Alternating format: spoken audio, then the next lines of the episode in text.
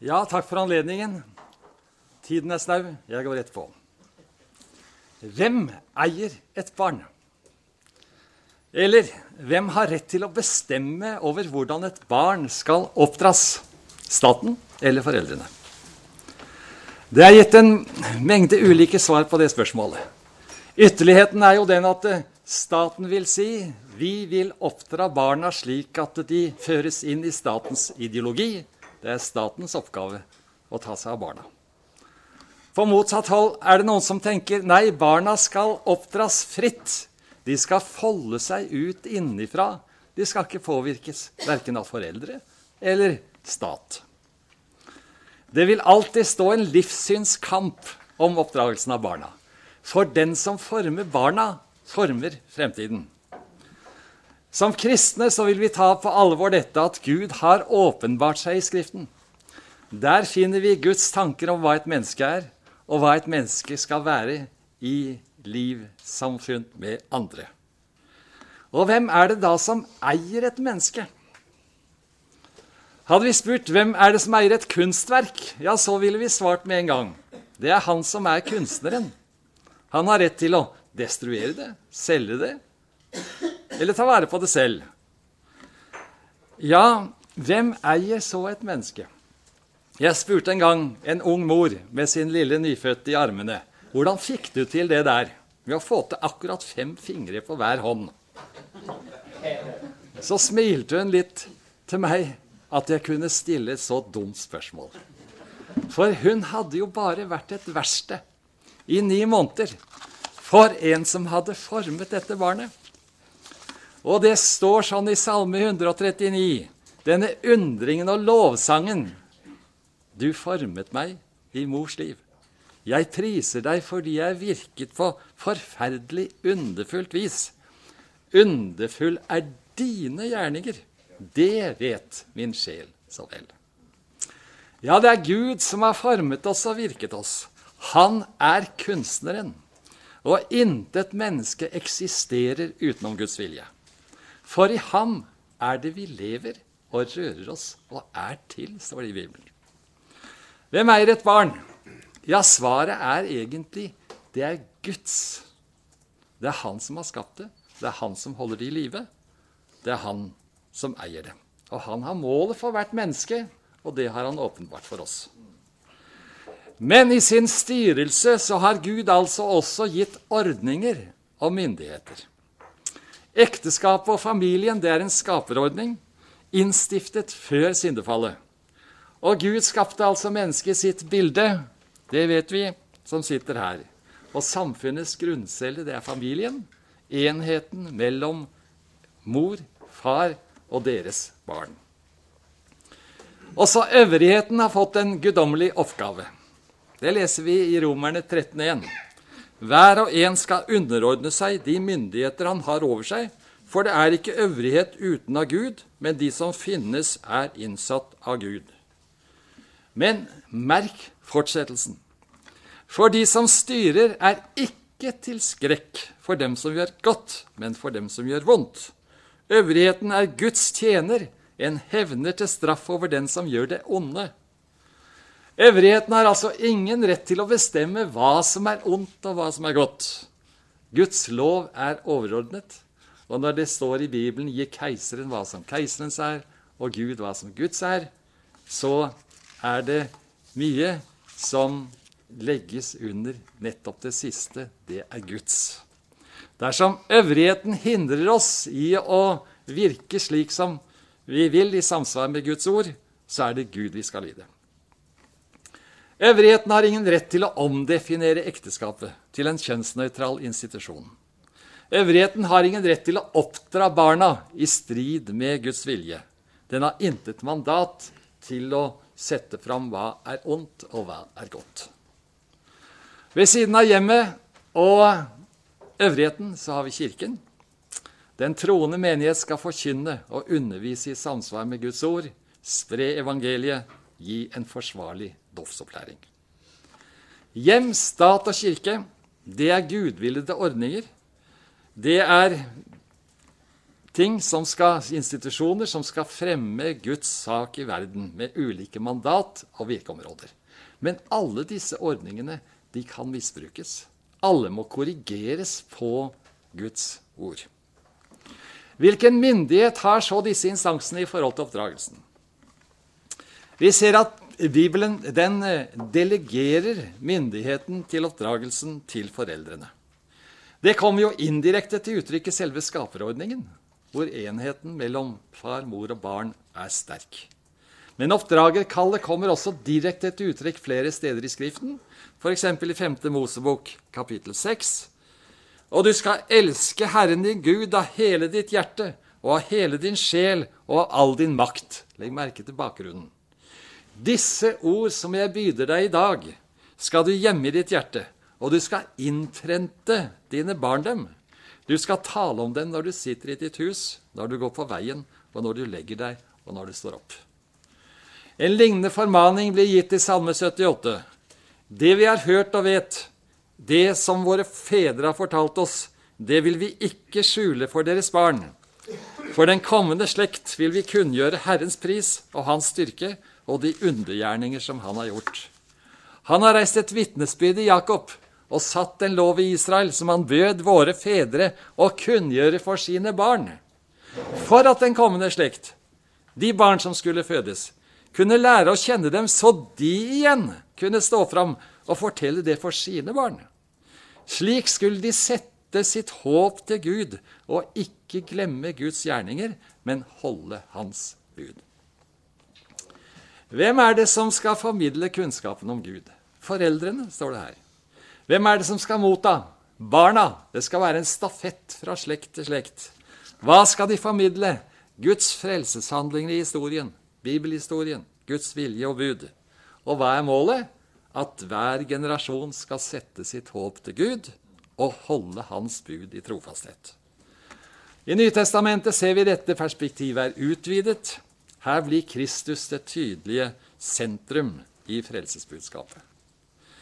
Hustavlene, Efeserne 6, formaner fedrene Vekk ikke sinne hos barna deres, men oppdra dem med Herrens tukt og formaning. Altså, barna skal oppdras til lydighet mot Gud, men ikke med makt og press.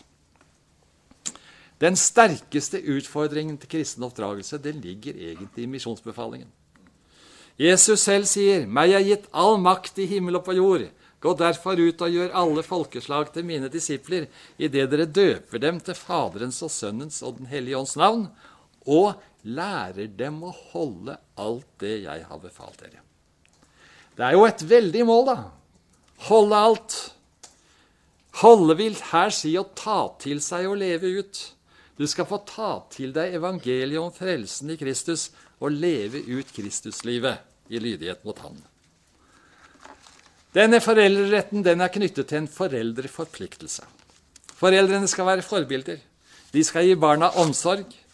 De skal gi dem det de trenger. I den sammenheng så kan vi tale om barnets rett. Barnet trenger mat, klær, trygghet, kjærlighet.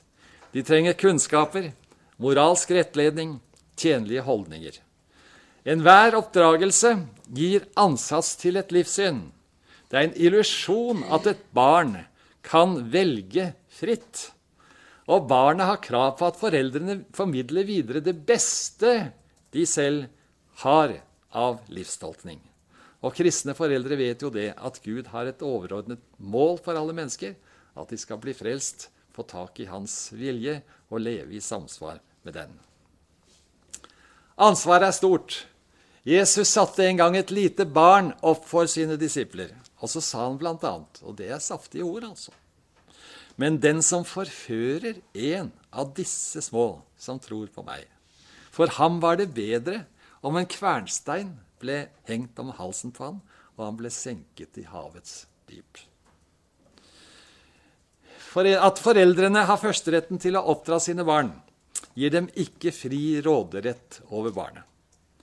Et hjem kan være så dårlig oppvekstmiljø at staten må gripe inn f.eks. ved barnevernet og plassere barnet i et fosterhjem. Men det må være meget sterke grunner for at det skal skje. Staten skal verne om familiene. Staten skal legge forholdene til rette slik at foreldrene kan få oppdra sine barn i overensstemmelse med sine egne filosofiske tanker eller religiøse overbevisninger. Og denne foreldreretten den er også da stadfestet i menneskerettighetene, som er overordnet norsk lov. I Den internasjonale konvensjon om økonomiske, sosiale og kulturelle rettigheter så står det i artikkel 13.3 Konvensjonspartnerne forplikter seg til å respektere foreldrenes, og når det er aktuelt, vergers frihet, til å velge andre skoler for sine barn enn den som er opprettet av offentlige myndigheter, forutsatt at skolene oppfyller eventuelle minstekrav til undervisning. Og til å sikre sine barn en religiøs og moralsk undervisning i samsvar med deres overbevisning. Ja, men hva skal vi da tenke om ateister og andre eh, religioner? Har de som tilhører disse sammenhengene, også rett til å oppdra barna i sin tro? Vi mener jo det at ateisme og andre religioner er avveier. Ja, da er det viktig å ha to tanker i hodet på en gang. På den ene side skal vi forkynne for alle mennesker at Bibelen er, Bibelens Gud er den eneste sanne Gud. Alle skal frem for hans domstol, og det finnes bare frelse ved troen på Jesus Kristus.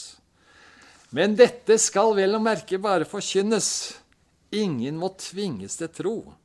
Og enheten mellom foreldre og barn er en skaperordning. Den må ikke ødelegges ved tvangsmidler. Og derfor bør staten også verne om foreldres rett til å oppdra sine barn i egen tro. Det må gjelde andre livssyn også. Men dette å verne foreldreretten, der har vi et punkt hvor staten har sviktet. Og jeg vil ta for meg tre tilfeller eh, hvor man har sviktet, og det ene tilfellet er i dag. I 1918 satte Arbeiderpartiet på sitt program at kristendomsundervisningen utgår av skolens fagkrets.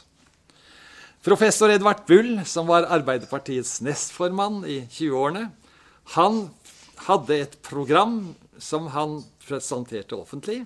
Sitat, Vi skal gjøre skolen verslig, liksom sykepleien og begravelsen og ekteskapet og fødselsregistreringen.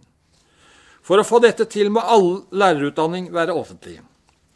Hele skolen må gjennomsyres av sosialistisk tankegang, og den eneste måten vi kan nå dette på, er så vidt jeg kan se, at det bare ansettes sosialistiske lærere. Barna skal gjøres til sosialister, og det er lærerne som skal gjøre dem til det. En så radikal politikk kom jo aldri på partiets offisielle program. Men Arbeiderpartiets enhetsskolepolitikk har gjennom alle år tatt sikte på å gi alle barn en felles ideologisk påvirkning. Og Derfor så stemte sosialistene samlet imot privatskoleloven i 1970 den ble da vedtatt med borgerlig flertall. Det vi kan merke oss i dag, det er jo at på flere punkter så er Edvard Bulls radikale målsetting faktisk nådd. Skolen er blitt verslig, uten kristen målsetting og med et RLE-fag istedenfor kristendomsfag.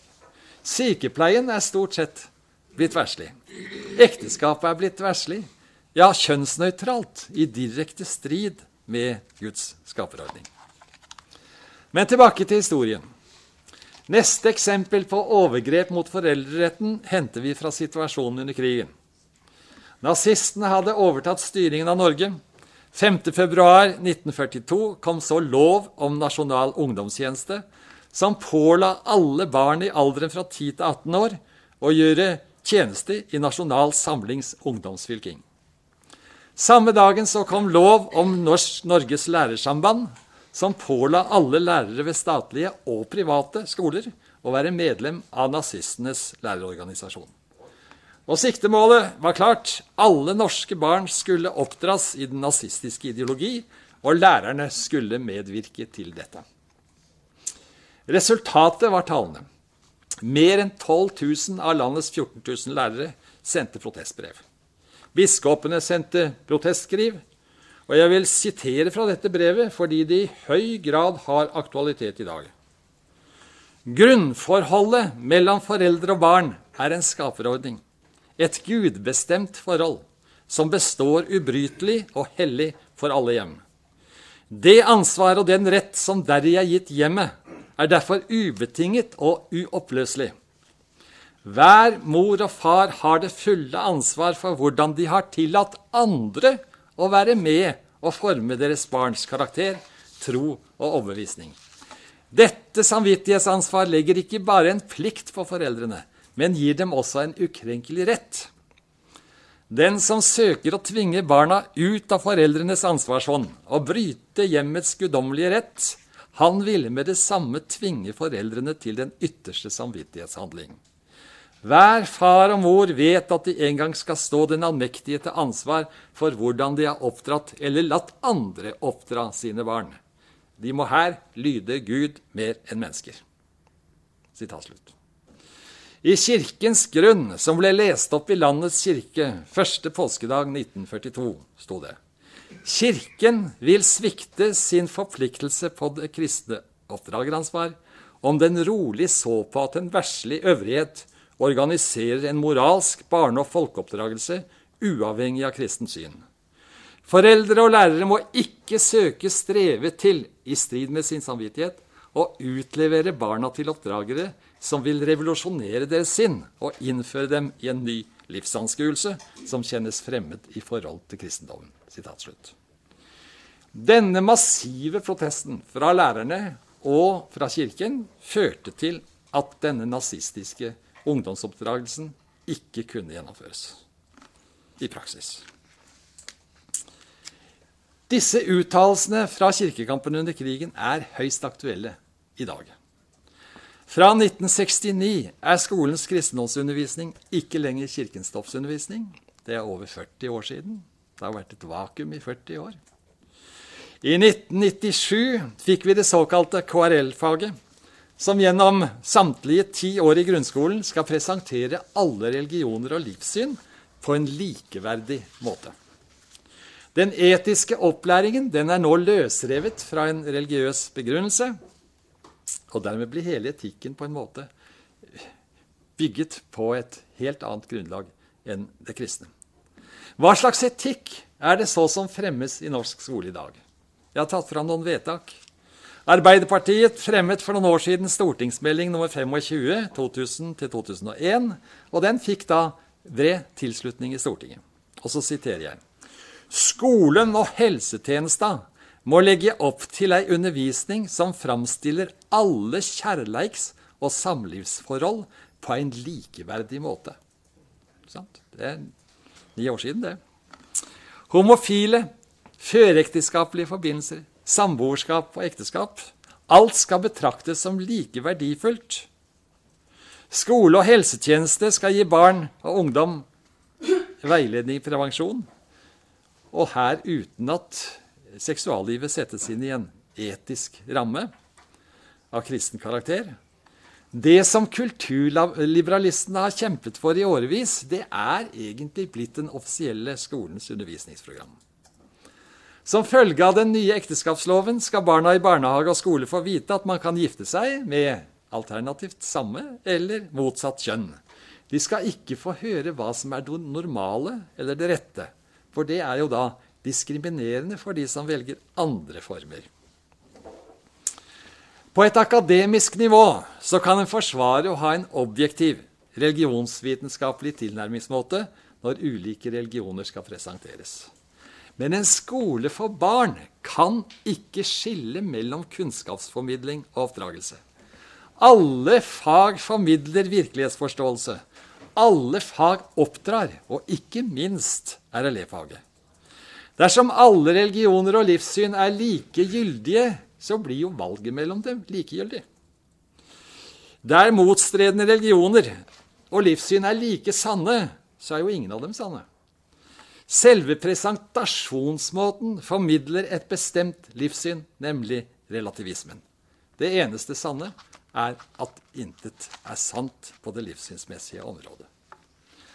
Men dersom vi som kristne virkelig mener at alle mennesker skal stå for Guds domstol, og at alternativene etter døden er evig liv i Guds nærhet eller evig fortapelse uten Gud, kan vi da bare godta at barna blir utsatt for denne påvirkningen.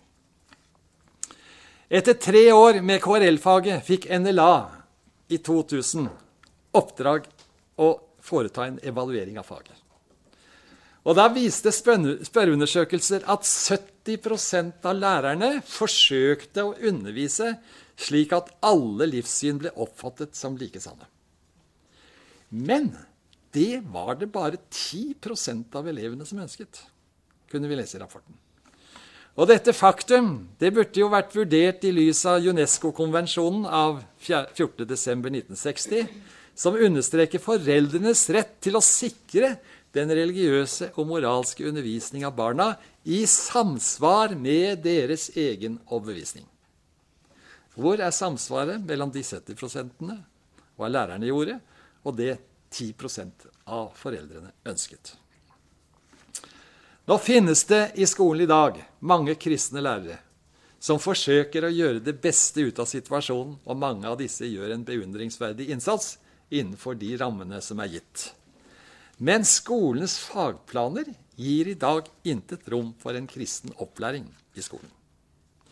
Vi kunne bruke ordene fra kirkens grunn under krigen og anvende dem på dette RLE-faget i dag. Dette faget utleverer barna til oppdragere som vil revolusjonere deres sinn og innføre dem i en ny livsanskuelse som kjennes fremmed i forhold til kristendommen. Den nye livsanskuelsen er her ikke nazismen, men relativismen. For en uke siden, 28. august, ble humanikeren, etikeren Levi Fragell intervjuet i Vårt Land. I spalten Vi tro, som like gjerne kunne vært kalt Min vantro. Fragell har som kjent utviklet seg fra å være aktiv prinsepredikant til å bli aktiv ateist, leder av Hedningforbundet, generalsekretær i Human-Etisk Forbund. Legg merke til hva han sier i intervjuet. Sitat. Det var studier i religionshistorie som til slutt tok knekken på troen. Jeg så ikke lenger at kristendommen kunne ha noen unik plass i forhold til andre religioner, og heller ikke Jesus.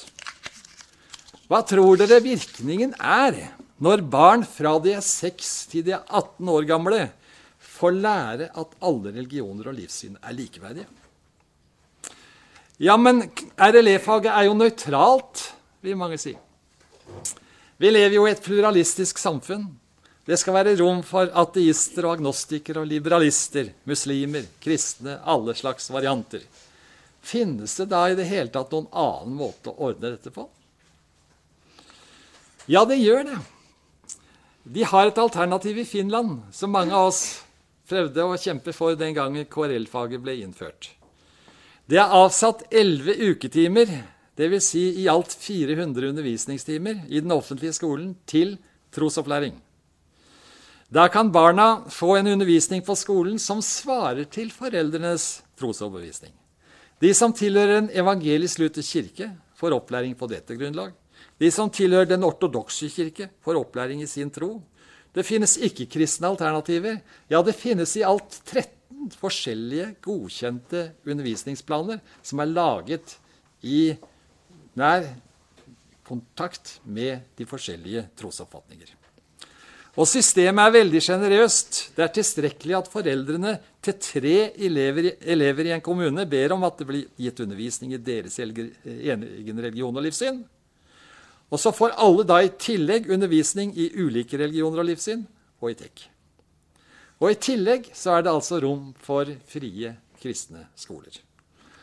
Det finske skolesystem har faktisk skåret høyt når det gjelder skal vi si, kvalitet på en rekke målinger som er gjort internasjonalt. Vi lever i en stat der kulturradikalismen har fått sterkt innpass blant politikere og i medier. Og denne kulturradikalismen har sine dogmer. Og barna skal nå indoktrineres i disse dogmene, nemlig alle livssyn er likeverdige. Alle samlivsformer er likeverdige. Og samliv er en privatsak. Og disse dogmene prøver da den politiske makt å presse inn, ikke bare på offentlige skoler, men også på de frie organisasjoner og institusjoner. F.eks. nå når man prøver på å si at disse ikke får lov til å stille krav til tro på ansatte, annet enn til de personene som har direkte forkynnende oppdrag eller skal undervise i kristendom. Her er det hele tiden tydelige totalitære tendenser som vi må kjempe imot. Ja, religionsfriheten er viktig, og på dette punktet her så kan vi ikke bøye oss for staten.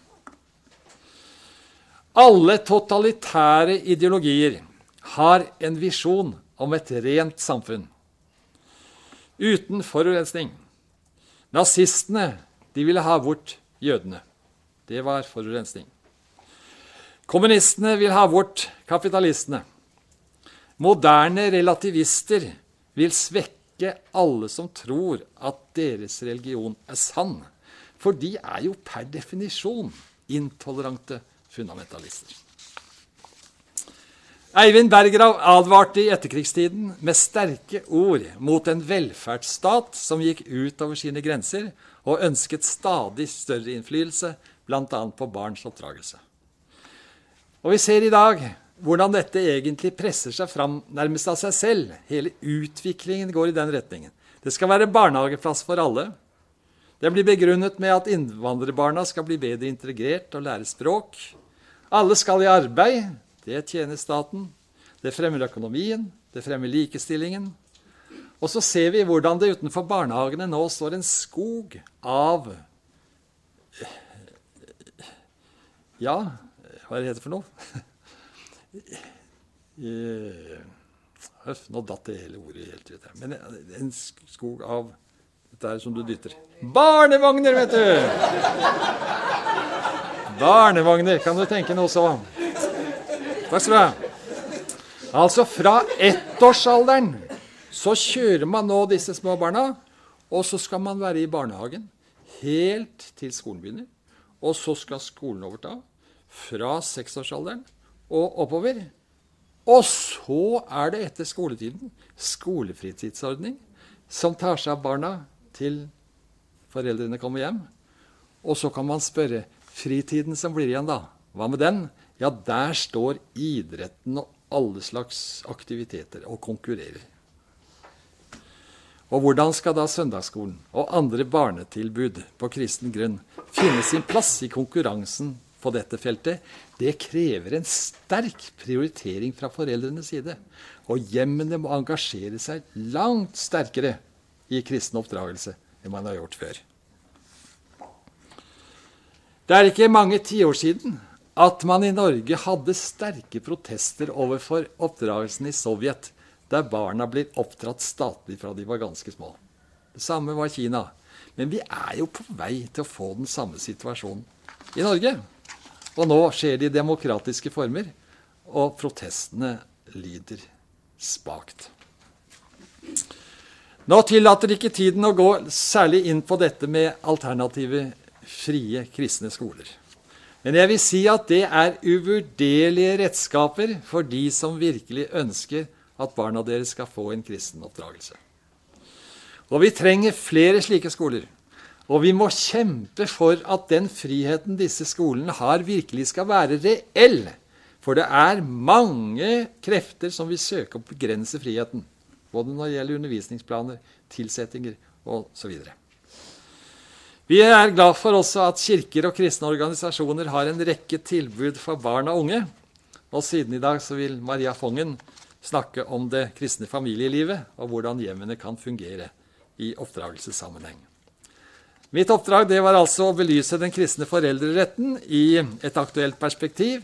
Og da vil jeg konkludere det i fem teser. Gud har skapt alle mennesker, og barnet tilhører ham. Gud har gitt foreldrene en foreldrerett og en foreldreforpliktelse til å oppdra barnet etter Guds vilje. Statens oppgave er å legge forholdene til rette for at foreldre kan få oppdra sine barn i samsvar med sin egen filosofiske og religiøse overbevisning. Den offentlige oppdragelsen av barn i Norge i dag fungerer som en oppdragelse til relativisme. Kristne foreldre bør derfor ta et langt større ansvar for å gi sine barn kristen oppdragelse i sine hjem, og ta i bruk de tilbud som kristne barnehager, skoler, kirker og organisasjoner gir med basis i Guds ord.